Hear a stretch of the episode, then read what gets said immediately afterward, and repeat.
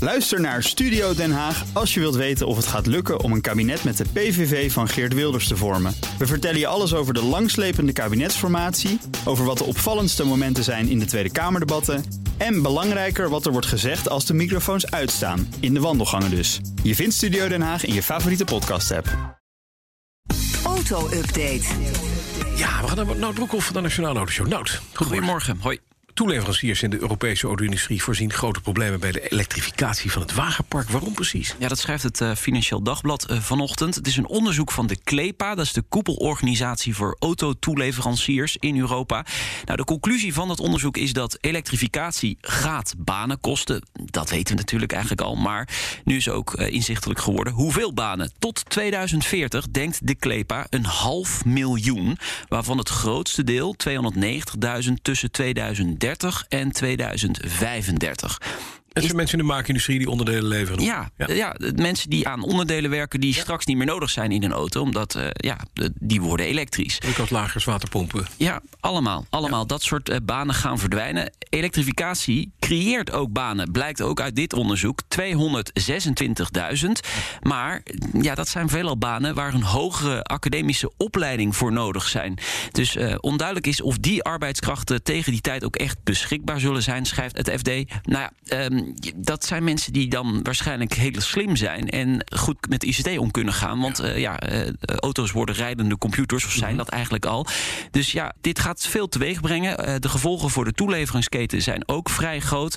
Maar daarover lees je natuurlijk ook meer in het FD. Het linkje staat straks eh, via bnr.nl slash auto-update.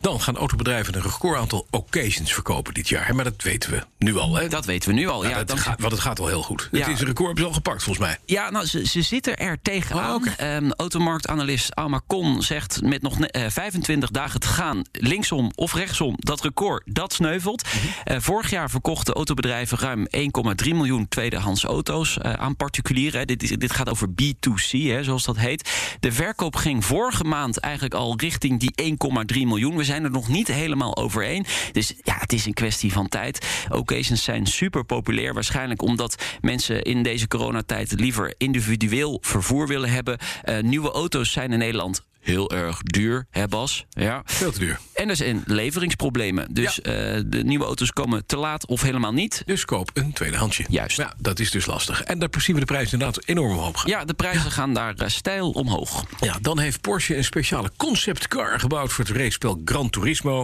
En als ik hem zo zie, ik ken hem. Ja?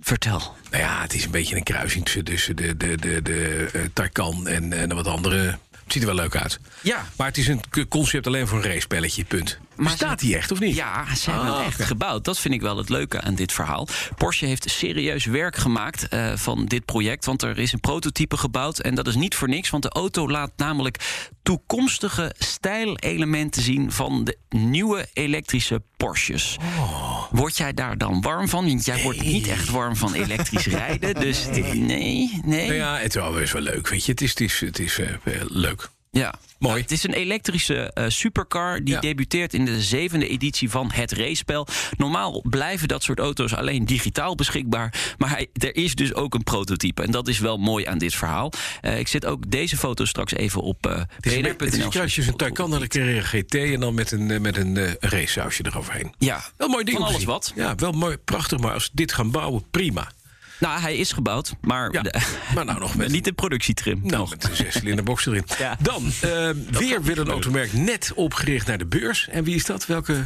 Vinfast. Oh, de Vietnamese. Onze- Ja, de Vietnamese Maar firma. die ja. zijn goed bezig. Ja, jij Nou. bent daar fan van, hè? Ik Nou, ben daar fan En van. waarom? Omdat ze met buitenlandse technologie... Kijk, Vietnam is een land waarvan... dat associeert mijn generatie nog steeds met een oorlog... Ja. en een hele hoop ellende en opgesloten worden in een kooi... met het horloge van je vader in je bilspleet. Maar dat land is echt een stuk vooruitgekomen... en eh, is hoog geïndustrialiseerd, wonen hele knappe mensen. Zit ook geld, zijn ze een Knappe nieuwe, koppen, bedoel je? knappe koppen. Ja. Zijn nu ook met buitenlandse kennis zijn ze een autofabrikant aan het bouwen. Ja. En vind vast ontwikkelt mooie auto's. Ja. Het is echt gewoon goed spul. Dat is En leuk. Een van de Nieuwe grootste Zuid-Koreanen zijn het. een van de grootste industriële partijen van Vietnam zit erachter. En dat bedrijf heeft, gaat dit bedrijf eigenlijk afsplitsen en naar de beurs brengen in Amerika. En Dat moet in de tweede helft van volgend jaar gaan gebeuren.